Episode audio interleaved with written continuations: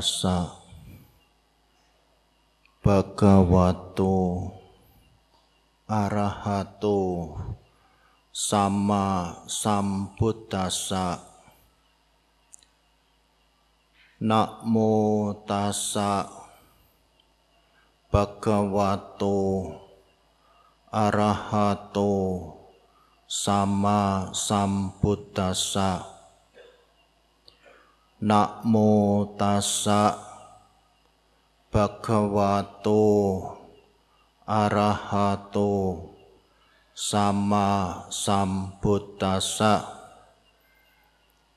idang tukang Arya Sacang idang tukang samudayo Arya Sacang idang tukang Niroda Arya Sacang.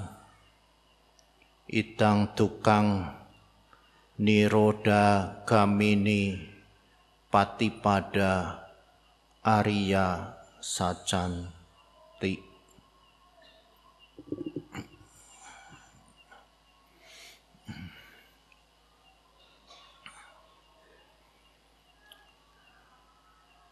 Biku Sangka yang saya muliakan. Samanera atas silani Bapak Ibu, saudara-saudari yang berbahagia. Hari Raya Asada mengingatkan kita kepada satu peristiwa saat pertama kali Guru Agung Buddha Gotama membabarkan atau mengajarkan ajaran beliau.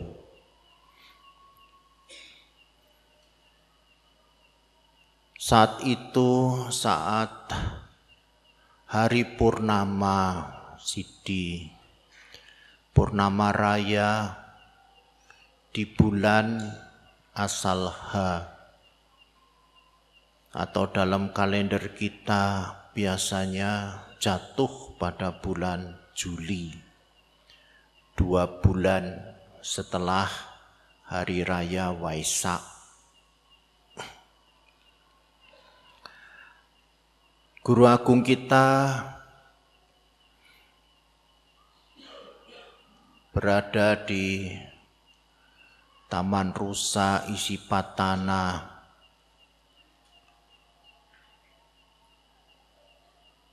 dan pada saat itu di hadapan Guru Agung kita ada lima orang.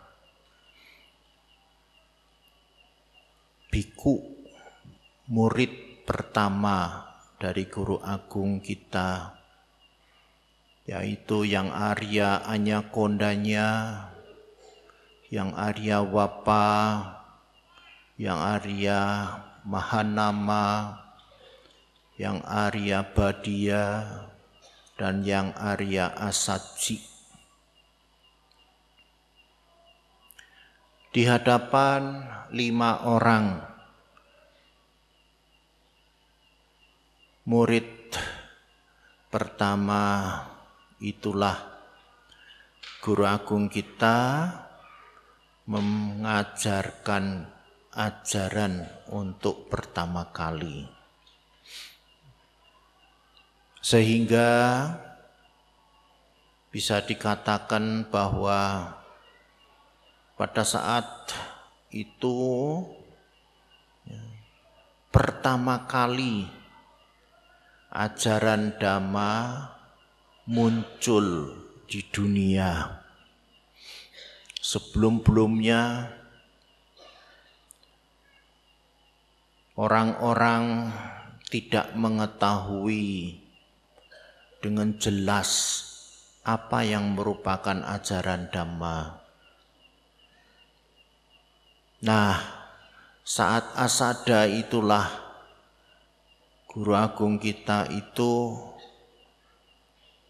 memunculkan, mengadakan, menampakkan, menjelaskan ajaran dhamma itu. Sehingga bisa dikatakan bahwa hari raya Asada ini juga merupakan hari Dhamma hari kelahiran Dhamma, munculnya Dhamma di dunia ini. Setelah kurun waktu lama sekali, Dhamma itu tidak dikenal oleh banyak orang.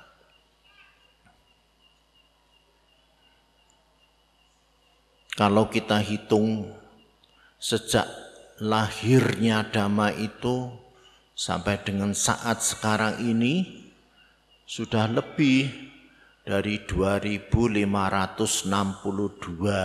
tahun. Ya. Biasanya kita menggunakan 2562 sebagai tahun Buddhis. Ya. Padahal sebenarnya kalau kita hitung munculnya dhamma pertama kali sampai dengan saat ini lebih dari 2562. Karena kita 2562 itu dihitung sejak guru agung kita meninggal dunia. Jadi beliau mengajarkan dhamma sebelum meninggal dunia itu selama 45 tahun. Makanya kalau dihitung lahirnya dhamma, munculnya dhamma pertama kali sampai saat sekarang itu 2562 ditambah 45 tahun. Jadi sudah 2607 tahun. Cukup lama Bapak Ibu sekalian, bahkan sangat lama. Ya, 26 abad yang lampau. Ya, agama Buddha ini muncul. Tetapi kok bisa masih bertahan sampai sekarang ini? Itu Bapak Ibu semua. Ya. Kita perlu ketahui bahwa yang namanya Dhamma itu adalah ajaran kesunyataan ajaran kebenaran. Diajarkan atau tidak diajarkan itu tetap ada, tetap berlaku. Di dalam Dhamma Sutta disebutkan ya, ada sang tata gata maupun tidak ada sang tata gata, ada sang Buddha maupun tidak ada sang Buddha, Dhamma itu tetap ada. Ajaran kesunyataan, ajaran kebenaran itu tetap ada. Orangnya boleh tidak tahu karena memang tidak mengerti, bisa saja. Tetapi apa yang ada di dalam dhamma itu berlaku buat siapa saja. Apa yang ada di dalam ajaran dhamma itu berlaku buat siapa saja. Tidak tergantung orangnya siapa. Orangnya mengerti, tidak mengerti. Orangnya itu punya pandangan keliru, ya, tidak sesuai dhamma misalnya, ataupun orangnya tahu dhamma, tidak masalah. Dhamma ini tetap berlaku buat setiap orang. Itu yang namanya dhamma, ajaran kesunyataan, ajaran kebenaran ya yang berlaku bagi siapa saja. Nanti saya akan jelaskan ya. Damai yang bagaimana Bante? Ya itu nanti setelah ini. Dan damai ini Bapak Ibu semua juga tidak tergantung pada waktu. Waktu dulu, zaman dulu sekali, zaman sangat dulu sekali, dengan zaman sekarang dan zaman yang akan datang. Dhamma itu tidak tergantung waktu, tetap berlaku. Tetap terjadi. Ya, tidak ada orang bisa membebaskan atau menghindari kesunyataan dhamma itu sendiri. Tidak ada. Ya, meskipun zamannya sudah modern pun, zamannya sudah canggih sekalipun, yang namanya setiap orang akan ya, mengalami kesunyataan dhamma. Setiap orang akan ya menerima kesunyataan dhamma tidak tergantung waktu dulu, sekarang maupun yang akan datang. Apalagi dhamma ini juga tidak tergantung pada tempat. Tempat di sini, tempat di mana pun juga itu juga ya, berlaku dhamma berlaku hukum-hukum dhamma, berlaku apa yang Sang Buddha ajarkan. Nah, itulah yang dikatakan bahwa dhamma itu universal. Tidak tergantung orangnya, tidak tergantung waktunya, tidak tergantung tempatnya, keadaannya, ya dhamma ini akan tetap berlaku. Ya. Ya beruntunglah sekarang kita semua masih menjadi umat-umat pengikut dhamma. Ya, umat Buddha. Ya beruntung. Berarti kita masih bisa belajar dhamma, masih bisa tahu dhamma, ya, masih bisa ngomong kendama ya, ya beruntunglah ya jadi kita tahu. Tapi kalau misalnya tidak ada umatnya pun dhamma ya tetap berlangsung tetap berlaku. Ya dhamma ajaran kebenaran apa yang sebenarnya terjadi di dalam kehidupan ini itu akan tetap berlangsung. Nah, Bapak Ibu Saudara, makanya ya kita semua sekarang mengikuti ajaran dhamma yang diajarkan oleh guru agung kita, Sang Buddha Gautama. Yang suatu saat ya umat-umat pengikut Buddha Gautama ini akan berkurang, berkurang, berkurang, berkurang. Ya. Lalu bagaimana?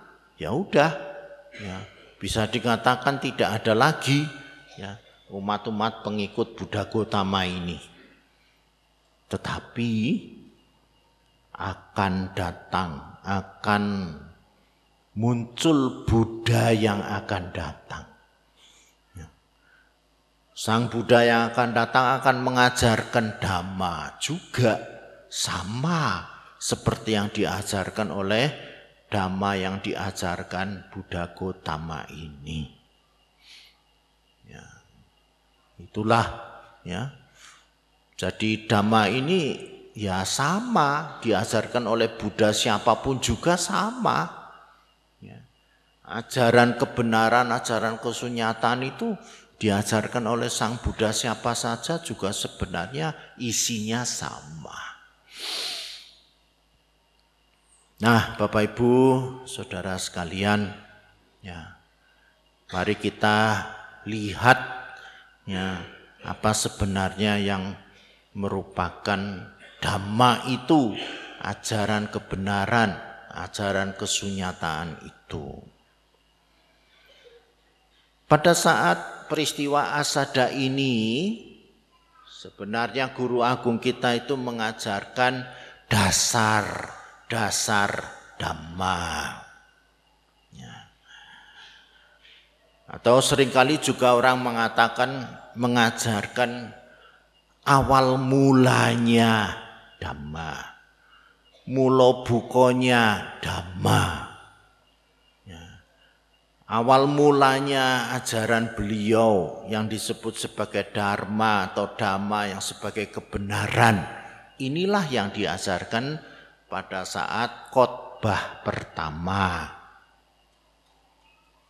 Khotbah pertama itu disebut Dhamma Caka Pawatana Suta. Khotbah pemutaran roda dhamma.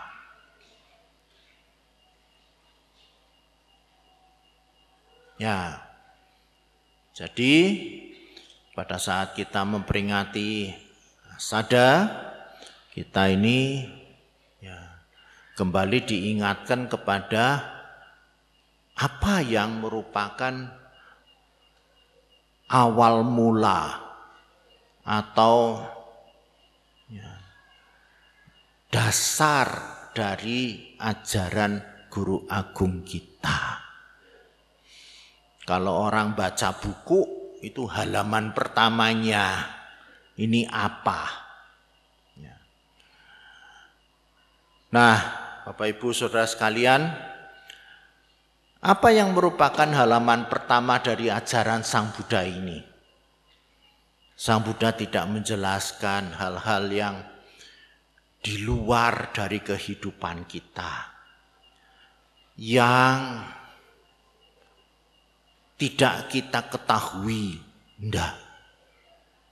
Yang mungkin ada di angen-angen juga tidak. Ya. Sang Buddha tidak mengajarkan itu. Atau yang nun jauh di sana juga tidak. Ya. Awal mulanya ajaran Sang Buddha itu yang ada dalam kehidupan kita. Dekat sekali dalam kehidupan kita dalam kehidupan kita sehari-hari. Ya.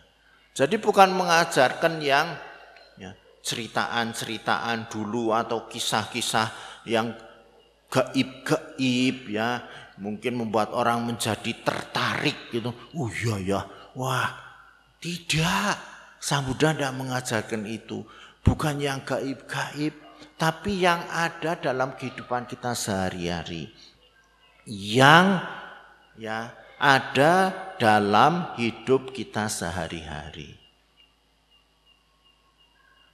Nah, Bapak Ibu Saudara sekalian, ya, yang ada dalam hidup kita sehari-hari yang penting, hmm, yang harus kita ketahui. Inilah yang Sang Buddha ajarkan. Ya, yang penting yang harus kita ketahui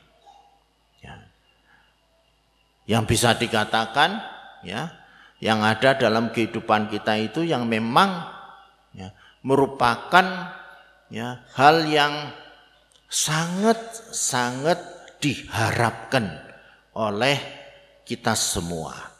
Ya sangat sangat kita itu ya kepingin sekali ya dalam hidup kita ini. Yang diinginkan sekali. Nah itulah ya. Ini ada di dalam Dhammacakka Bawatana Sutta yang pada pokoknya itu ada empat ya kebenaran, empat kesunyataan yang berlaku tadi buat siapa pun juga waktunya juga kapan pun juga di mana pun juga orang ngerti dhamma atau tidak ngerti dhamma atau menolak dhamma atau anti dama. Wis pokoknya itu berlaku empat-empatnya ini. Empat ini berlaku. Ya. Empat ini ya ada dalam kehidupan kita semua. Yang pertama, Bapak Ibu, sebelum saya menjelaskan, saya akan menanya dulu, apa yang menjadikan ya kesulitan buat hidup Bapak Ibu semua. Apa yang menjadikan masalah buat Bapak Ibu semua, buat kita semua. Dalam hidup kita sehari-hari. Ya. Ada orang mungkin ngomong, masalahnya saya golek gawe nangel bante. Oh ngono. Golek duit, oh angel. Oh ngono. Apa meneh? wah, golek pasangan angel. Oh, meneh. Apa meneh? Ya, wah, maem yo ya angel. Wah, apa meneh? Sekolah yo ya kangelan. Nah itu loh saudara, yang angel-angel itu sebenarnya itu ya itulah sebenarnya yang menjadi perhatian kita dalam hidup kita sehari-hari. Dan itu Sang Buddha katakan sebagai duka. Duka. Ya, kalau diterjemahkan dalam bahasa Indonesia namanya derita atau penderitaan. Siapa di antara kita ini yang tidak pernah menderita? pasti suatu saat kita itu juga akan pernah menderita. Ya. Pernah sakit, pernah barangnya hilang, pernah apa ya macam-macam lah. Meskipun meskipun ya, saudara juga mengatakan, "Oh Bante, tapi saya hidupnya seneng loh Bante. Bahagia saya ini, ya. Makan sudah ada yang kasih makan, ngono. Oh, Kaya bante lah makan sudah ada yang kirim to ya. Penak ngono ya. Panggonan wis ana kutine, penak. Nah. Anak asuhane Bu Jenny ya mungkin penak. Saya bahagia Bante. Urusan bahagia Bapak Ibu memang dalam hidup kita itu ya kita ada penderitaan, ada bahagianya juga pasti kita juga akan mengalami kebahagiaan-kebahagiaan itu. Ya. Tetapi bagi Sang Buddha, kebahagiaan-kebahagiaan yang saudara alami itu kan tidak ada masalahnya. Ya. Tidak ada masalah dengan kebahagiaan-kebahagiaan itu. Justru kita hidup itu akan menjadi masalah kalau kita menderita. Orang bahagia itulah, karepmu kono lah bahagia. Silahkan dinikmati kebahagiaannya sana. Tetapi kalau orang menderita itu loh yang kasihan. Orang yang lagi menderita itulah orang yang sedang membutuhkan pertolongan, membutuhkan bantuan, membutuhkan ya orang yang bisa membantu dia. Ini orang yang lagi menderita. Maka itu yang dijadikan perhatian oleh guru agung kita itu adalah penderitaannya, bukan bahagianya. Kalau bahagianya terserah saudara, ya urusan saudara sendiri ah, merasa bahagia. Kadang-kadang orang bahagia juga sok anu sok lali toh. Hmm. Tapi orang yang menderita sregep lunga wihara biasanya. Nah, orang menderita serkep lunga wihara. Ngene menderita serkep madeban eh, menghadap ke bantenya juga itu ya serkep bola-bali ngetok bola-bali ngetok juga ada itu yang begitu ya itu serkep tapi pas lagi bahagia sok lupa biasanya ya itulah itu menunjukkan kalau kita bahagia sebenarnya ya udah nggak ada masalah ya sudah silahkan bahagialah sana kamu bahagia tapi kalau saat kamu menderita itulah kita ya kepontang panting ke sana kemari, cari sana cari sini. Bagaimana caranya kita supaya tidak menderita? Bagaimana caranya kita mengatasi melenyapkan penderitaan itu? Kalau saudara semua sehat, ya udah silahkan dinikmati sehatnya.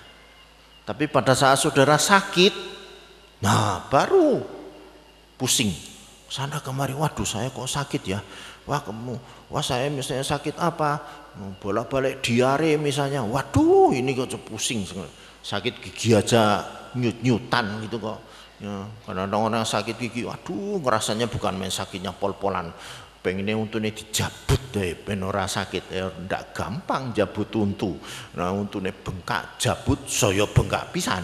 Hmm. lah ndak pada saat kita menderita itu loh yang jadi soal kalau saudara bahagia ah ndak masalah. Itu ndak ada soal ndak ada masalah saudara bahagia. Tapi saat kita menderita itulah kita jadi masalah. Itulah yang mudah lihat pertama kali inilah bahwa sebenarnya setiap orang ya pernah mengalami penderitaan. Setiap orang itu ya akan mengalami penderitaan-penderitaan macam-macam penderitaannya itu. Dan itu sang Buddha kata, ini loh ya adanya penderitaan dalam hidup kita. Itu itu yang pertama yang Sang Buddha sampaikan. Kebenaran pertama, kesunyataan pertama yang tidak bisa ditolak oleh siapa saja. Apa ada orang yang tidak pernah menderita? Pernah. Tidak ada orang yang menolak. Semuanya pernah menderita. Nah ini ya kesunyataan yang pertama. Tapi jangan jangan Bapak Ibu mikir ke, wah nek ngono urip iki mung susah tok ya. Ndak, ini nanti diteruskan ya. Kebenaran yang yang kedua ya. Kebenaran yang kedua yang diajarkan oleh Sang Buddha apa? Penderitaan itu muncul karena ada sebab. Tidak ada penderitaan yang muncul tidak ada sebab. Mesti ada sebabnya. Tidak ada yang kebetulan. Tidak ada yang penderitaan itu muncul itu ya tiba-tiba tidak ada. Ya, tiba-tiba itu jemdul muncul ranono. Mesti ada sebabnya sebenarnya. Nah itu, itu perlu kita ketahui dulu kalau mau mengatasi penderitaan, kalau melenyapkan penderitaan, kalau mau menghilangkan penderitaan harus tahu sebabnya dulu. Ya, sebabnya itu apa? Ya, kalau sakit harus tahu sebabnya sakit, baru bisa cari obat. Masa sakit tidak tahu sebabnya, nanti nyarinya obat bingung. Harus tahu sebabnya dulu. Nah, persoalan sebab ini Bapak Ibu Saudara, Sebab ini dari mana ya munculnya penderitaan itu dalam hidup kita? Bapak Ibu semua jangan buru-buru melihat keluar. Jangan buru-buru menyalahkan orang lain. Ini biasanya orang seperti itu sok nyalah ke orang lain. Karena ya, yang namanya penderitaan ini bisa muncul dari dirinya sendiri. Ya. Biasanya kita itu yang kalau kita menderita sering kali kita nyalahkan yang di luar. Ya. Sakit misalnya nyalahkan wong atis ya sakit, jadi sakit. Padahal bukan karena atis, kanca-kancane yo ya atis ora apa-apa iku. Hmm. Mungkin awake dekne niku sing lagi lemah. Itu membuat dia sakit.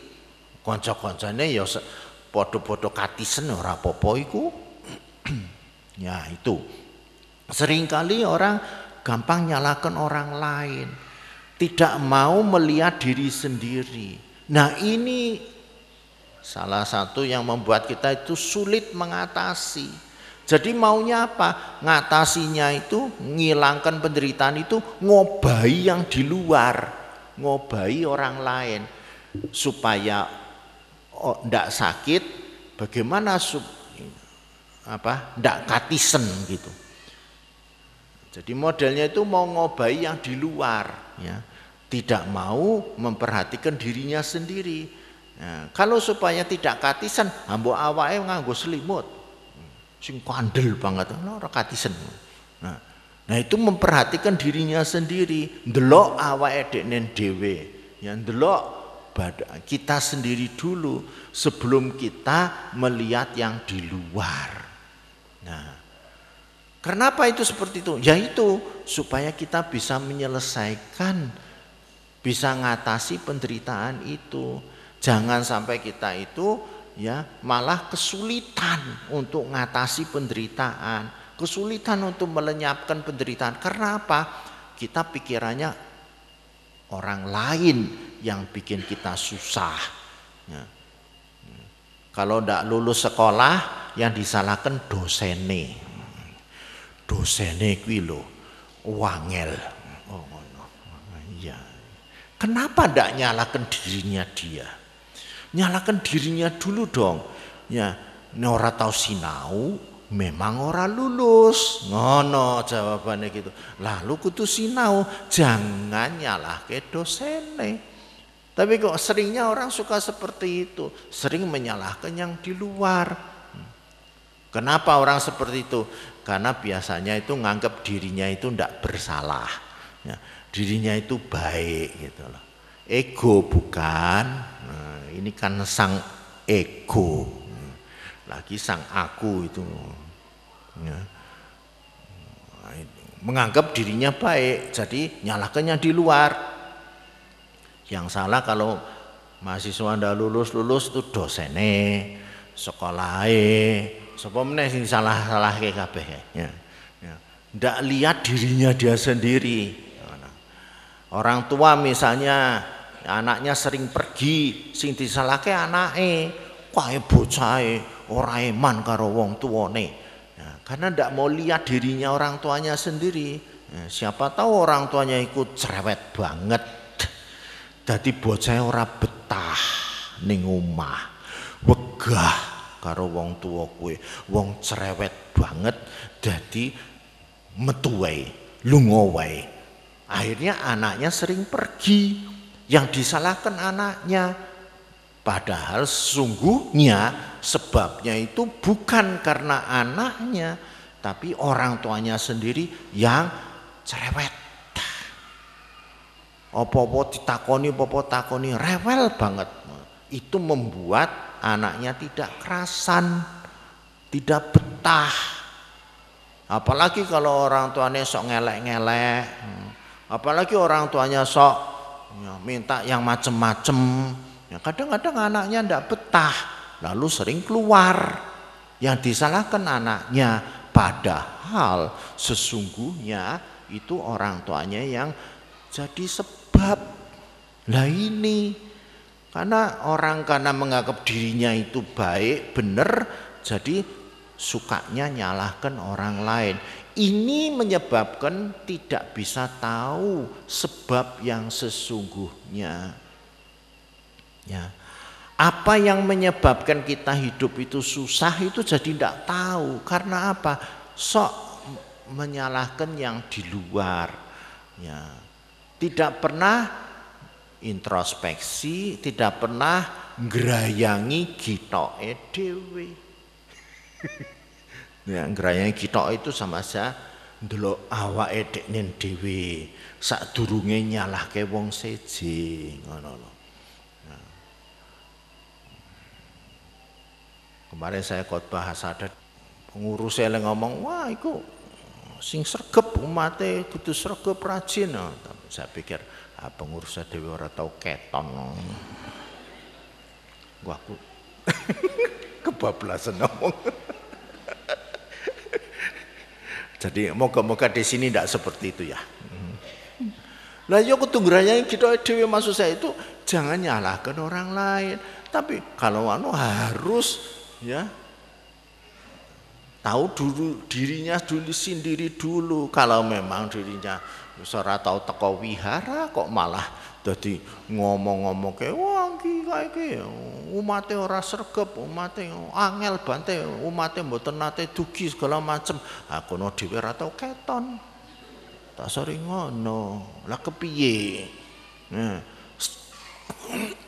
ada penderitaan ada masalah tetapi Sebenarnya yang dibuat, yang membuat adalah dirinya dia sendiri. Nah begitulah Bapak Ibu ya. Sebab ini cobalah cari tahu dalam diri kita sendiri dulu. Ya cari tahu dalam diri kita sendiri dulu. Jangan gampang kita itu melihat keluar. Ya, jangan gampang kita nyalahkan orang lain. Ya. Meskipun bisa saja sebab ini ya dibuat dari di luar kita bisa saja. Contohnya kalau kita naik kendaraan naik mobil toh sudah sedih sebelah kiri ngikuti rambu-rambu lalu lintas eh ada kendaraan lain yang ngebut bablas nabrak mobil kita. Lah mobil kita ditabrak oleh kendaraan orang lain itu berarti ya memang sebabnya orang lain yang teledor, yang yang tidak hati-hati, yang nabrak mobil kita. Ya memang ada yang seperti itu, ya. Sebab yang e, dari luar juga ada. Tetapi saya mengingatkan, ya, sebab yang harus kita ketahui itu dalam diri kita sendiri dulu. Ya, kalau kita memang ya menderita, ya cobalah kita ketahui sebabnya dalam diri kita sendiri. Kalau kita sakit ya tahulah, oh ya saya sakit ini sebabnya apa ya? Oh mungkin kurang istirahat, oh mungkin terlalu banyak ke sana kemari, itu menyebabkan saya jadi sakit.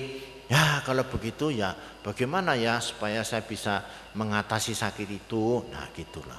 Ya, nah itu yang kedua itu kebenaran kesunyatan tentang sebab. Ya, Ya, kenapa ini Sang Buddha sampaikan? Karena memang ya, kalau kita mau mengatasi melenyapkan penderitaan itu kita butuh tahu sebabnya itu dulu. Ya, butuh tahu itu. Setelah tahu, lah nanti kesunyatan yang ketiga, kebenaran ketiga itu lenyapnya penderitaan. Ya. Jadi yang namanya penderitaan itu bisa lenyap kita bisa hidup bahagia, ya, bahagia yang sungguh-sungguh bahagia, ya, bahagia yang memang betul-betul bahagia, ya, bukan bahagia yang kelihatannya bahagia. Kadang-kadang ada yang seperti itu toh, kelihatannya bahagia tapi sebenarnya hidupnya susah, gitu. Tapi ini yang betul-betul bahagia, ya. Ini pun ya sebenarnya tergantung diri kita tergantung diri kita. Ya, bagaimana dalam diri kita sendiri ya membuat kita itu bahagia. Ya. Kadang-kadang ada orang kan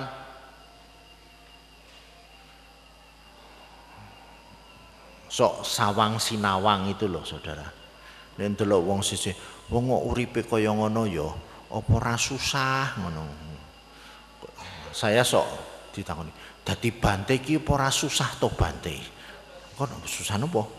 Lah ra duwe anak, ra duwe bojo bante. Saya mendelek saya oh ini lain lagi nih omongannya jadi susah ngom jawabannya saya. Saya pikir, lah saya kalau ndelok ke saudara ya janjane ya susah. Oh duwe umah-umah ora susah ya. wis duwe anak duwe bojo. Saiki anake mlebu sekolah larang epol. Hmm, sekolahane ragate oke segala macam kadang-kadang saya juga mikir gitu. Tetapi saya pikir mungkin lebih baik kita itu kembali pada diri kita masing-masing ya. Kebahagiaan kenyamanan itu pada diri kita sendiri ya, ya. mungkin saudara melihat para bante itu melihat Atasilani itu menderita jadi atas ini eh gitu mau ya. Tapi siapa tahu dia bahagia loh. Dia bahagia, dia merasa wah saya nyaman jadi seperti ini. Saya merasa ringan, merasa bahagia, merasa tenang hidupnya, hmm, tentram hidupnya, dia bahagia. Nah, jadi kebahagiaan itu ada pada diri kita masing-masing. Tidak bisa orang itu lihat dari luar menganggap oh apa itu. Terus membandingkan dirinya dia sendiri toh. Kalau saya itu bahagia itu kalau apa eh, hidupnya mewah, hidupnya berlebih-lebihan misalnya. Tapi ini ada orang yang hidupnya tidak berlebih-lebihan kok bahagia juga. Ya, ya masing-masing orang sendiri-sendiri. Masing-masing orang sendiri-sendiri. Maka itu saya katakan kebahagiaan itu ada dalam diri kita sendiri juga. Ya kebahagiaan ada dalam diri kita sendiri. Dalam pikiran kita masing-masing. Kita tidak bisa menebak, kita tidak bisa ngarani ya orang itu ya kalau misalnya hidupnya mewah, hidupnya berlebihan itu mesti bahagia. Hmm, belum tentu, belum tentu. Karena banyak juga yang kelihatannya hidupnya mewah, berkelebihan, tapi masalahnya juga banyak. Pikirannya itu stres, pikirannya banyak masalahnya, itu juga ada. Nah, maka itulah Bapak Ibu, ya, kebahagiaan ini ada pada diri kita masing-masing, ada dalam pikiran kita sendiri sebenarnya. Nah, lalu yang kebenaran yang keempat yang Sang Buddha ajarkan itu cara mendapatkan kebahagiaan. Kalau tadi Sang Buddha sudah kasih tahu penderitaan, semua orang mengalami penderitaan, semua orang justru kalau lagi menderita itu susah banget. Memang itu yang perlu diatasi, itu yang perlu ditanganin. Ya, kalau pas lagi menderita, kalau pas lagi senang sih ya terserah aja, tidak perlu ditangani apa-apa. Tapi pas menderita itu loh butuh ditangani. Sebabnya ada lenyapnya ada juga. Ya. Lalu harus ada caranya. Cara untuk melenyapkan penderitaan ini bagaimana? Bagaimana caranya supaya kita itu tidak menderita hidupnya. Nah ini ya ini ya. Jadi bagus sekali saudara. Ibarat saya kasih contoh ada sakit, sebabnya sakit. Terus lenyapnya sakit, sehat. Terus cara untuk sehat, obatnya apa? Nah ini. Kan pas toh, ada sakit, ada sebabnya sakit, ada sehat, ada obatnya. Inilah kebenaran. Inilah dasar dari ajaran Sang Buddha. Ada sakit, ada sebab sakit, ada sehat, dan ada cara untuk supaya jadi sehat. Semua orang kepingin sehat, semua orang kepingin bahagia, jelas. Semua orang pengen bahagia. Nah, tapi caranya untuk mendapatkan kebahagiaan ini bagaimana? Caranya, obatnya itu apa supaya kita itu bisa sehat? Nah ini yang perlu kita ketahui perlu kita minum. Jangan mung tahu tok. Nek tahu tok obatnya dipentelengi ngono. Ya ora mari-mari. Hmm. ngobate digawa ronare ronare iki lho obat nomor siji manjur iki. Hmm. tapi ora tau dadi ya penyakite terus ana wae penyakite wong ora tau ngombe obate hmm. obate diombe supaya ya iso mari supaya seso sehat. Begitulah ya hidup ini. Yang per, obatnya itu sebenarnya delapan. Ya. Jadi ini seperti apa namanya jamu ya, gampangnya contoh. Itu ada delapan macam. Ya. Ya, delapan macam eh, apa jajatnya itu ya Mungkin kalau saya tidak pinter ngeracik jamu ya. Kalau ada yang ngeracik jamu mungkin bisa tahu. Ya, jamu pegelinu itu apa saja. eh, apa apa apa apa itu jadikan satu ya nah ini nah jamu untuk supaya kita bisa sehat menurut ajaran Sang Buddha ada delapan macam ya. Yang itu diracik dicampur jadi satu ya. Campur jadi satu. Nah, delapan macam itu saudara terdiri dari pengertian benar ya. Pikiran benar, ucapan benar, tumindak benar, golek duit sing bener, semangat benar, konsentrasi benar, perhatian benar. Delapan. Ya. Kalau saudara mahasiswa setap ya ngapal ngapalke tapi mergo bukan mahasiswa orang ya apal boleh ndak apal boleh ngono ya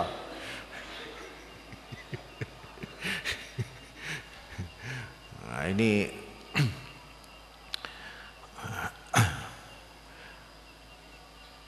pengertian benar ya sama pikiran benar Ya, pengertian sama pikiran ini digabung namanya kebijaksanaan.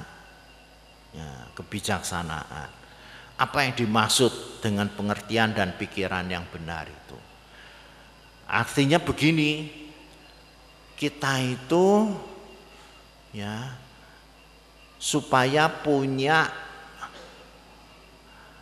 pengertian atau ya kita punya pandangan.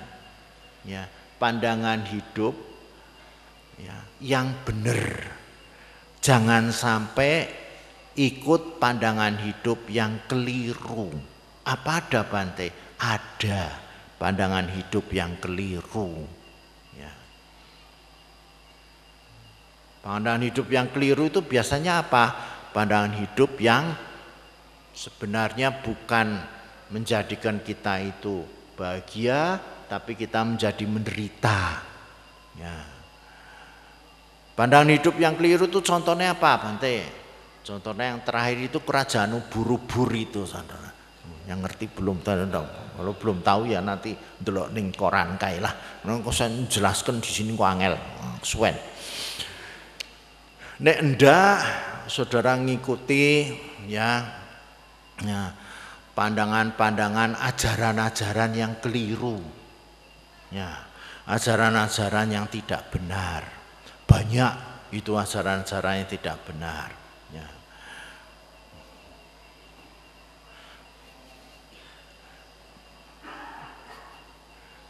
nanti tidak kepenak saya itu. Pokoknya ajarannya tidak benar oke. Okay. Mau dijelaskan jujur penak aku. Soalnya tahu sendirilah ajaran yang tidak benar itu macam-macam ya macam-macam ajaran tidak benar semua ajaran sing akeh. Yes ya pengen sugih ngingu tuyul ngono. Ki termasuk lho ya. Ngingu tuyul pengen sugih ngingu jaran ngepet ngono. Iki ajaran tidak benar ojo melu-melu nanti saudara pengen sugih ngingu tuyul ah payah hmm. nah itu ajaran-ajaran itu pengertiannya itu tidak benar itu pengertiannya tidak benar itu seperti itu. Kalau saudara ragu-ragu, ya ragu-ragu diajai teman supaya begini-begini, tanya Bante saja. Yang sering datang sini tanya Bante Cata atau Bante Damiko, eh, Damamito atau dia Bante siapa? Bante, kalau ajaran kayak gitu itu ajaran benar apa tidak ya? Sesuai dhamma apa tidak ya? Nanti bantenya mesti bisa jawab. Mesti bisa jawab Pasti bantainya ngomong benar atau tidak, mesti bantainya tahu. Ya, itu itu itu nomor itu satu. Karena kalau kita begitu ikut ajaran kayak gitu, ajaran yang tidak benar, susah saudara. Semuanya salah KB. Semuanya KB, orang, orang keruan. Itu yang pertama, makanya disebut pandangan benar itu nomor satu. Karena ini yang menentukan sekali. Kalau kita punya pandangan ajaran kita itu salah, nanti ke bawahnya pikirannya, ucapannya, tumindake apa wae keliru kabeh. Ora ono sing bener. Ngono loh, ya. Jadi pertama itu pandangan benar ajarannya itu loh harus yang waras dulu, yang benar dulu. Ya. Nomor dua pikiran. Ya. Kalau orang sudah punya ajaran yang dipegang itu yang baik, yang benar itu, nanti orang itu akan punya pikiran yang benar juga. Carane mikir itu benar. Jadi dia punya pikiran itu sing sesuai dengan ajarannya itu. Tapi kalau ajarannya itu udah salah, itu pikirannya nanti jadi salah. Caranya mikir itu salah. Ya. Kalau tadi saya katakan ya saya sudah pakai contoh tadi misalnya pengen suki golek tuyul ngono ya. Itu pikirannya itu mesti golek tuyul, golek tuyul, golek tuyul. Apa-apa tuyul, tuyul, tuyul, tuyul. Terus apa wae pokoknya tuyul ngono. Jadi ini pikirannya kuwi wae sing salah. Itu karena orang pikirannya eh, ajaran pandangannya udah salah, jadinya pikirannya salah. Ya ini sebenarnya bisa saudara cermati juga ya. Kalau kita sudah punya pandangan yang salah, pasti nanti pikirannya jadi salah semua. Gitu ya. Anak sekolah itu saya juga sering mahasiswa sih. Pikiran pandangannya itu ah gampang sekolah. Sing penting itu ijazah. Itu pandangan seperti itu membuat pikirannya itu nyepeleke. Saya nggak nggak teke iki mahasiswa sok kepelek ke nanti. Jadi tidak sungguh-sungguh, tidak serius karena dia itu pandangannya sudah salah, ya. Pandangannya sudah salah. Apalagi kalau dosennya itu dilihat dengan salah juga. Dianggapnya dosen iki anu kok apian. Apiannya tanda petik. Ya. Apiannya apa? Iso dikompromi tapi jangan kompromi sama saya nanti tidak ketemu saya. Ini mahasiswa tetap soalnya. ah, dosennya so kompromi. Lalu apa? Karena pandangannya sudah seperti itu, pikirannya apa? Gampang ke. Gampang ke. Itu saya cermati, saya amati. Dosen yang gampang dikompromi, gampang di islah gampangan lah. Itu nanti mahasiswanya apa? Santai sekali dia lalu beker, ah gampang sekali menganggap remeh, menganggap enteng dosanya itu. Sudah, karena itu pandangannya sudah tidak benar. Ya, pandangan. Lain hal kalau orangnya itu punya pandangan, oh dosen ini disiplin, dosen ini tenanan, le ngajar. Biasanya pikirannya jadi apa? Pikirannya disungguh-sungguh, serius. Soalnya dosennya tenanan iki, le ngajar, guru ini kita nanan leng ngajar, dudu dolanan, itu akan serius dia akan belajar dengan sungguh-sungguh, tidak main-main. Tapi kalau apa anak-anak itu punya pandangan itu bahwa gurunya itu ya cuman kayak gitu gurunya main-main ngajarnya juga ah asal-asalan ngajar ngentek kayak waktu yang penting nawis barbel Melayu Bali ngono ya sudah karena pandangannya sudah tidak benar, pikirannya juga tidak benar. Itu sama orang tua juga, sama anak sama orang tua. Kalau anak memandang orang tua, ya, orang tua itu misalnya orang tuanya jelek, orang tuanya jahat, itu nanti pikirannya anak itu mesti tidak bisa menghormat. Meskipun dia menghormat juga lamis-lamis, tahu lamis-lamis, pura-pura. Dia pura-pura aja. Ketemu, oh bu, pak. Tapi dalam hatinya, saya sama sekali tidak menghormat. Karena apa? Orang tua saya itu jelek, jahat. Pandangan menentukan pikiran. Ya, pandangan menentukan pikiran. Dari situ kemudian ucapan, tingkah laku, mata pencarian. Nah ini juga kalau kita mau bebas dari penderitaan, omongan kita, tumindak kita, ya itu memang ya kudu diatur, ya. Kalau ndak mau dikendalikan, ndak mau diatur, ya itu bikin masalah. Omongan itu kan nyakitkan orang, sakar PDW, belenjani, wis janji ora dituruti, ora ditepati, iku gawe susah wong. Lah bagaimana mau bisa mengatasi penderitaan? Bagaimana bisa kita tidak menderita? Lah wong ngomongannya orang genah. Pasti orang tidak percaya sama kita. Apalagi tumindak kita, tumindak elek-elek. Lah tambah masalah. Kita akan hidup menderita akhirnya. ya. Ini butuh. Ya sangat penting ini ya. Omongan tumindak. Itu jangan sampai kita itu omongannya membuat kita itu hidupnya menderita. Mau kita kan bebas dari penderitaan. Mau kita mengurangi penderitaan maka itu omongannya tumindak itu dijogo. Jangan sampai ya membuat orang lain menjadi susah atau diri kita sendiri jadi susah goro-goro omongannya dewe Goro-goro tumindake dekne dhewe itu kita jadi susah sendiri gitu loh. Nah, nah ini Bapak Ibu Saudara-saudara sekalian, ya banyak contohnya seperti ini ya.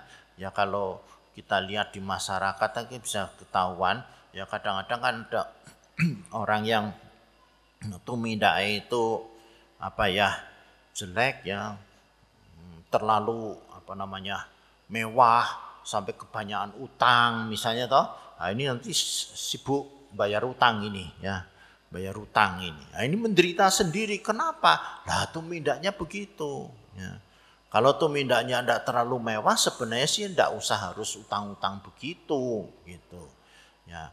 Kalau tumindaknya tidak apa namanya tidak jor-joran juga tidak usah harus utang sebenarnya. Lalu dia menjadi menderita karena ditagih utang menerus-terus ya karena tumindake sing salah. Tumindake sing salah. Itu marake dia itu menjadi harus dibayar utang, diuber-uber wong kon bayar utang. Ini masalah. Ya, karena tumindake sing ora genah ngono. Nah, terus mata pencarian ini juga penting. Mata pencarian ini bisa membuat kita menjadi menderita. Ya karena kita mata pencarian ini salah. Contohnya apa? Nah, dodolan-dodolan sing orang genah, dodolan narkoba, dodolan macam-macam, ya itu marake kita menjadi menderita. Ya, jualan barang yang apa namanya hasil pencurian atau hasil wah itu nanti jadi masalah juga. Ya, nanti ini jadi masalah. Ini mata pencarian. Ya. Nah, jadi itu yang tiga ini namanya sila. Sila, tumindak lah ya tumindak ini memang harus hati-hati supaya kita itu tidak menderita. Kalau tumindak sembrono, kita jadi susah hidupnya. Tuh. Nah, tapi Bapak Ibu masih ada lagi tiga lagi daya upaya semangat itu konsentrasi dan perhatian. Ini penting. Ini namanya meditasi. Ini meditasi. Ya. Ini sebenarnya yang mengendalikan ya hidup kita ini dari sini dari meditasi ya kalau tadi saya katakan tumindak mungkin Bapak Ibu mikirnya angel lo bante ya ngatur tumindak itu ndak gampang mengendalikan tumindak itu ndak gampang ya.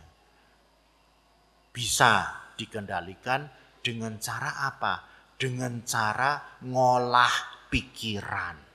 Soalnya apa? Tuminda itu asalnya dari pikiran. Orang berbuat, orang berucap itu sumbernya dari pikiran. Pikiran ini yang menyebabkan orang berbuat dan orang berucap. Orang ngomong sama orang yang ngelakoni apa-apa ki saka pikirane. Ada orang yang ngomong begini, Bante, tapi saya kalau ngomong apa-apa refleks tidak sadar. Ceplos, ceplos. Nah itu ya ceplos, ceplos apa ya suara sadar. Kan itu bukan dari pikiran. Tidak, tidak. Itu tetap dari pikiran loh saudara. Mung pikiran itu cepet banget. Saudara tidak menyadari kesadarannya lemah. Karena kesadarannya lemah, saudara tidak bisa mengendalikan pikiran saudara. Jadi pikirannya col. lepas. Ya. Apa sih langsung bras, bras, bras. Jadinya itu ngomongnya itu ceplas-ceplos. Tumindak ayo ceplas-ceplos. Ya. Karena memang tidak ada kesadaran yang ngerem. Sumbernya tetap dari pikiran. Dari bentuk-bentuk pikiran. Itu yang menyebabkan kita itu ya melakukan macam-macam ya dan bisa salah. Untung benar kalau untung, ya. Kalau pas benar tapi salah, wah repot lah. Ya, ceplas-ceplos kitanya itu. Karena apa? Tidak punya kesadaran yang ngerem. Ya. Kalau orang punya kesadaran itu, orang tahu sebenarnya. Saya ini ngomong, apa sing tak omong ke? Ini kesadarannya ada. Tapi nek saya ngomong begini ini saya tidak tahu apa yang saya omongkan. Itu sama saja saya tidak sadar. Sudah. Itu sama saja saya ceplas-ceplos saya ngomong. itu tidak sadar. Itu nanti bisa salah omongan saya ini. Ya. Tapi kalau saya punya kesadaran, saya bisa ah, ngatur omongan saya. Gitu. Sama kalau Bapak Ibu semua punya kesadaran bisa ngatur omongannya. Tumindaknya juga bisa diatur juga. Ya, karena ada kesadaran. Kuncinya itu dalam kesadaran itu. Yang ngonangi itulah kesadaran. Jadi kalau kesadaran ki apa? Sing ngonangi. Yang weruh. Yang tahu. Itulah kesadaran. Ngonangi apa Bante? Ngonangi pas dong sadurunge omong. Bukan ngonangi sakwise omong lho ya. Sakwise omong ora kanggo. Sadurunge omong. Nek ngonangi sadurunge tumindak, iku kesadaran. Ini perlu saya jelaskan sekali sana. Kesadaran ini yang ngonangi. Biasanya gimana Bante? Biasanya sing jenenge kesadaran ki ora nono, lemah banget. Koyo tenggelam ya, seperti mendep ke bawah, tidak muncul, tidak timbul. Jadi kesadaran itu lemah. Jadi apa? Karena tidak ada yang ngonangi, ceplas-ceplos. Omongan ceplas-ceplos, tumindak ceplas-ceplos, soalnya ranono sing ngonangi. Nah, Maka itu bagaimana Bante? Harus membuat yang ngonangi itu keluar. Muncul. Yang ngonangi itu harus dikeluarkan. Bagaimana mengeluarkan yang ngonangi? Kesadaran itu dikeluarkannya itu bagaimana?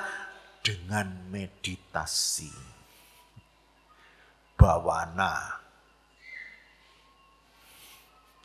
Bawana Buddhis, meditasi Buddhis itu memperkuat kesadaran supaya singonangi kui metu. Metu ning jero pikirane awake metu. Ojo sembunyi. Ya. Jangan sampai sembunyi jangan sampai tenggelam tapi keluar. Ya jangan umpetan kesadarannya itu tapi metu supaya beraktif Aktif apa? Sadurunge ngomong, oh ngerti. Sadurunge itu minda, oh ngerti. Apa sing dilakoni? Sing arep dilakoni iki waras apa ora? Bener apa ora? Sing arep diomongke iki bener apa ora? Iku lho kesadarane ditokke. Itu pakai latihan bawana. Loh kok begitu Bante? Iya Bapak Ibu. Ya, bawana ini sebenarnya melatih kesadaran supaya kuat. Meditasi itu melatih kesadaran supaya kuat. Nah kalau tidak pakai meditasi bagaimana? Biasanya, biasanya kesadaran itu lemah. Lemah, tidak muncul. Ya, maka itu kita perlu duduk diem, memperhatikan napas masuk keluar misalnya. Itu bukan napasnya yang jadi penting banget, bukan. Janjane sing penting banget itu adalah kesadarannya. Sing ngonangi iki lho, ngonangi iki lho, ana hawa sing mlebu, ana hawa sing metu. Oh iki mlebu, oh iki metu, iki mlebu, iki metu, iki mlebu. Di inget-inget terus kesadarannya dikon metu, metu, metu, metu, metu. Kesadarannya supaya keluar, keluar, keluar, memperhatikan napas masuk dan keluar. Konsentrasi dan perhatian di situ. Konsentrasi benar, perhatian benar. Dan semangat Ya, semangat itu artinya tekun, ulet. Tekun, ulet. Orang hidup ini butuh semangat, butuh keuletan, ketekunan. Dalam pikiran kita ini harus selalu ada yang namanya berjuang, berjuang, berjuang, berusaha, berusaha, berusaha, berusaha. Itu semangat. Ya. Berusaha, berusaha, berusaha. Jadi nomor sisi Berjuang, berjuang, berjuang. Nah, berjuang kayak revolusi ya. Gua rapena aku. Gue kira parpol lah. Berusaha, berusaha, berusaha ngono loh. Yang dipikir saudara berusaha, berusaha, berusaha. Pokoknya berusaha, berusaha. Kudu ngupoyo, ngupoyo, ngupoyo. Jangan ngupoyo upo, tak. Ya, ngupoyo, ngupoyo, ngupoyo. Pokoknya upaya ngupaya, nomor siji pikir ngupaya. Aja sampai orang duwe upaya. Ngono. Ki jenenge semangat. Ya. Jangan sampai kita ah ngenteni diwenehi bante. Iku jenenge orang duwe semangat. ngenteni bante sing wenehi. Ah, tapi aduh orang duwe semangat ki. Berusaha, berusaha perkara Bante mau kasih atau tidak silahkan. Bante mau ngasih boleh, tidak ngasih ora apa-apa. Maju terus, berusaha. Kan begitu. Itu semangat. Ya. Perkara kalau di dalam orang bisnis misalnya, ya, ya syukur kalau ada teman. Tidak ada teman, ayo usaha terus, usaha terus. Ya masalah ekonomi lagi kurang, sepi, ya wis yang penting usaha, usaha, usaha. Karena ndak bisa kita lalu ah wis lah tak ngenteni wae, ah wis lah sedakep wae lah, rasa usaha. Itu tidak punya daya upaya. Daya upaya itu usaha dan usaha. Yang ada di pikiran itu selalu usaha. Usaha. Usaha, usaha, usaha. Jadi saya selalu usaha, usaha, usaha gitu. Apalagi kalau saudara masih muda-muda. Ya. Nek wis tuwek-tuwek ya beda. Mun sepuh-sepuh mbok menawi alah bante awake sedo lungkrah sedaya. Mangkene usaha-usaha mangke saya lungkrah. Nggih pun, pun sepuh. Tapi nek tak segenem, usahalah, usahalah, usaha terus. Usaha itu namanya semangat. Yang di pikiran itu selalu berusaha. Ya, ya dalam pikiran itu selalu berusaha, ya, selalu berjuang, ya. Itu namanya orang punya semangat. Begitu. Ya. Ya. Jadi kalau supaya hidup itu ada semangatnya, ada gairahnya itu loh. Ya, berusaha bersemangat begitu. Orang membantu silahkan, tidak membantu ya jalan terus, tetap usaha, usaha, usaha. Usaha berbuat baik, orang membantu silahkan, tidak mau ya sudah bukan, silahkan aja. Terus usaha, usaha, itu namanya semangat. Ya, ini penting untuk melenyapkan penderitaan, ngatasi penderitaan.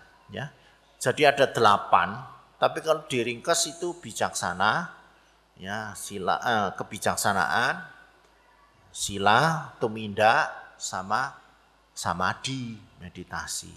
Ya. Meditasi ini sangat penting karena apa? Itu mengolah pikiran kita supaya pikiran kita itu jadi sehat. Pikiran kita itu jadi semangat. Pikiran kita itu menjadi waspada. Ya. Pikiran kita itu menjadi punya kesadaran, tidak lupa, tidak lengah, ya. tidak kosong, tapi selalu punya kesadaran dan ya selalu punya semangat, semangat, semangat. Ya. Penting kok memang itu. Ini ada Asian Games toh. Pak Jokowi ngomong semangat, semangat, semangat. Bener.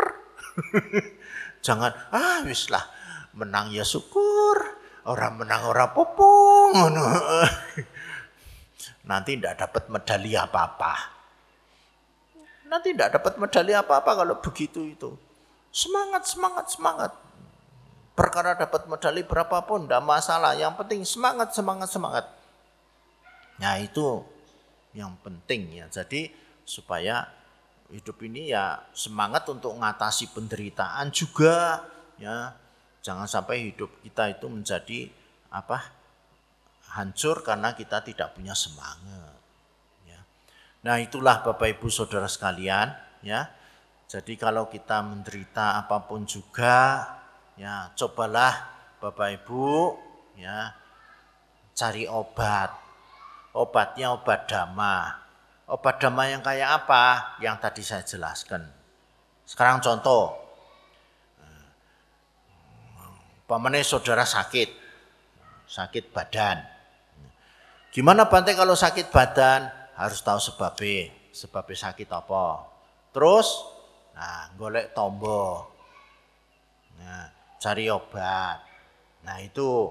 Nah kalau sudah dapat obat, sehat, syukur. Kalau belum sehat, ditelateni sing sabar. Sabar, sabar, sabar. Nah, diobati terus. Semangat le ngobati.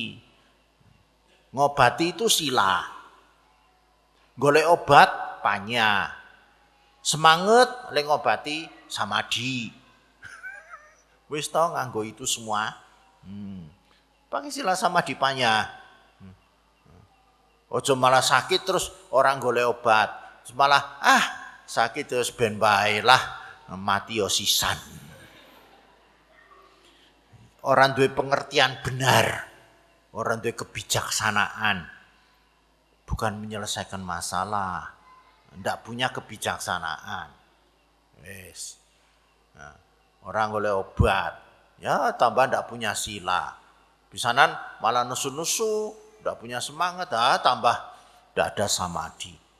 Semua sebenarnya dipakai ya, untuk bagaimana kita mengatasi kita menderita.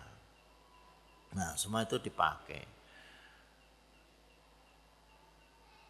Lah Bante kalau misalnya menderita itu kan macam-macam ya, macam-macam. Ya.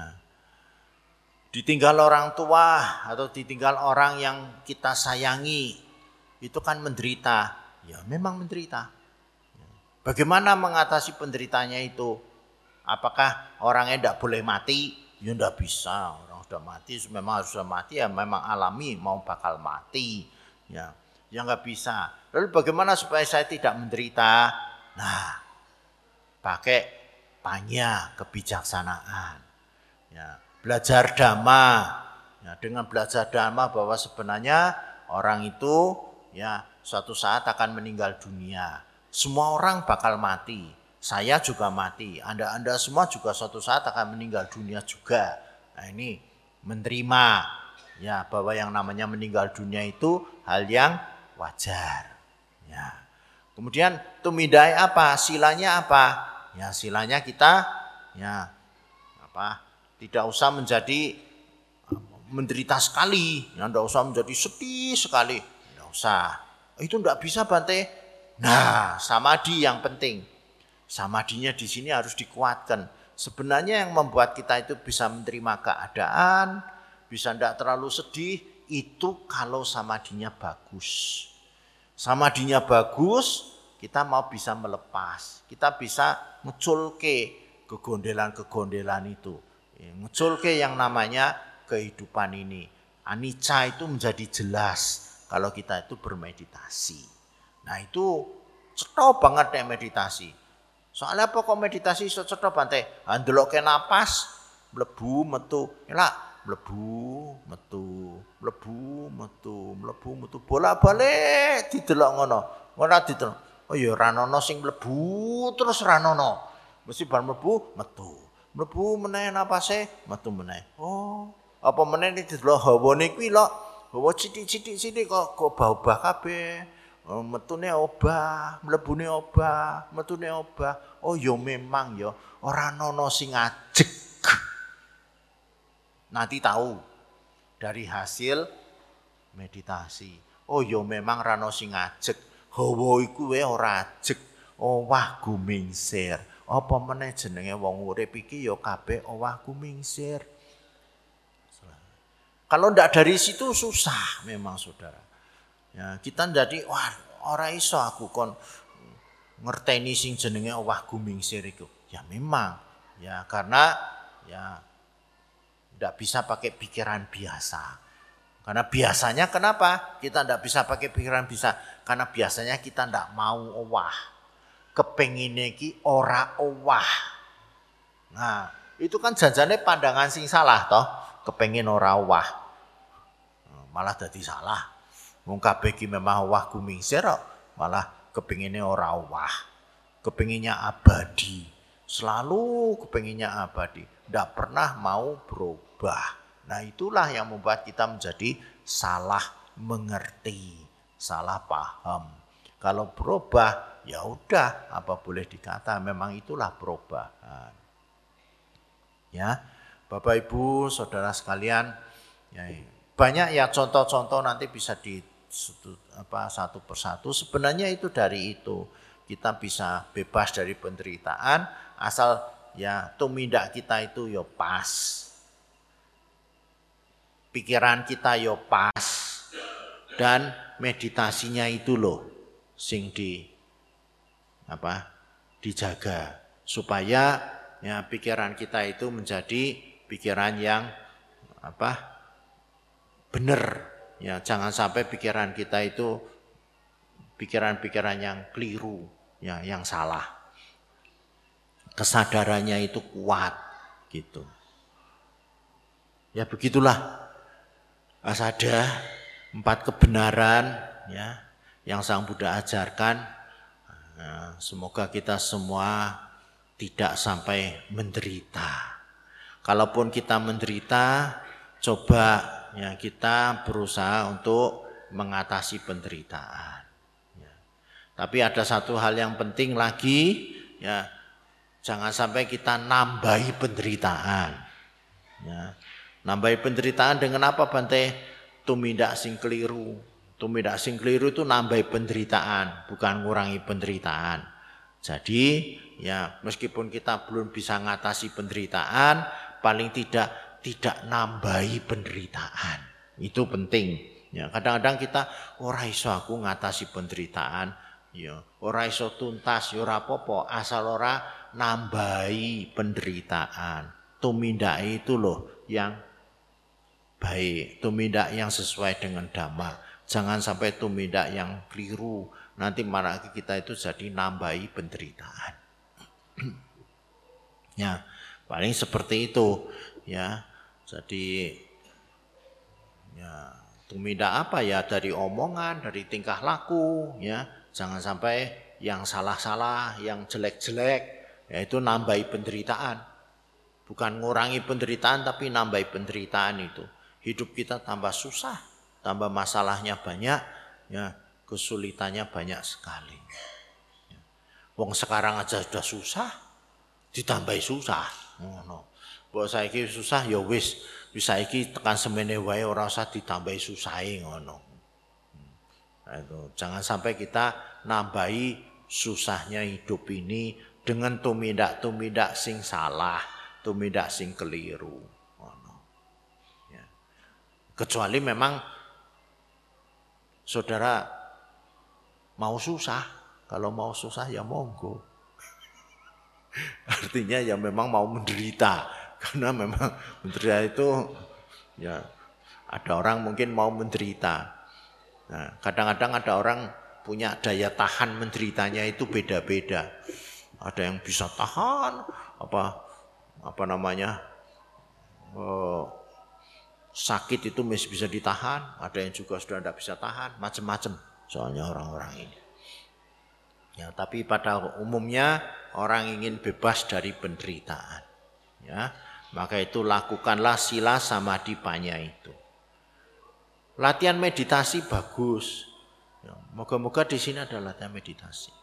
Nah, latihan meditasilah Bapak Ibu yang sergap. Ya. Minimal 15 menit ya. 15 menit latihan meditasinya. Itu minimal. Jangan dikurangi supaya bisa sabar, eh, ngenteni waktu. Ya. Nanti kalau sudah ditambahi jadi setengah jam, tambahi jadi satu jam, ya, gitu. Ya, jadi supaya ada peningkatan, peningkatan ya. Kalau meditasi yang apa namanya lima menitan kayak tadi itu, tadi kan dituntun meditasi lima menitan, itu meditasinya tingkat SD. Nanti seberapa jam SMP, setengah jam SMA, Menek sak jam luweh di universitas. Oh no. Jadi saudara jangan mau cuma lima menit wae di SD. Lima menit bola-bola iki ora munggah sekolah SD wae. SD wae. Mbok diunggahke sekolah tekan SMP, SMA ngono lho. Nah, setengah seberapa jam, setengah jam, diunggahke saya oke saya oke. Itu berarti makin bagus meditasinya. Ya, semogalah Anda semua berbahagia di dalam dhamma. yang selamat merayakan Asada 2562 semoga semua makhluk hidupnya berbahagia. Sekian terima kasih.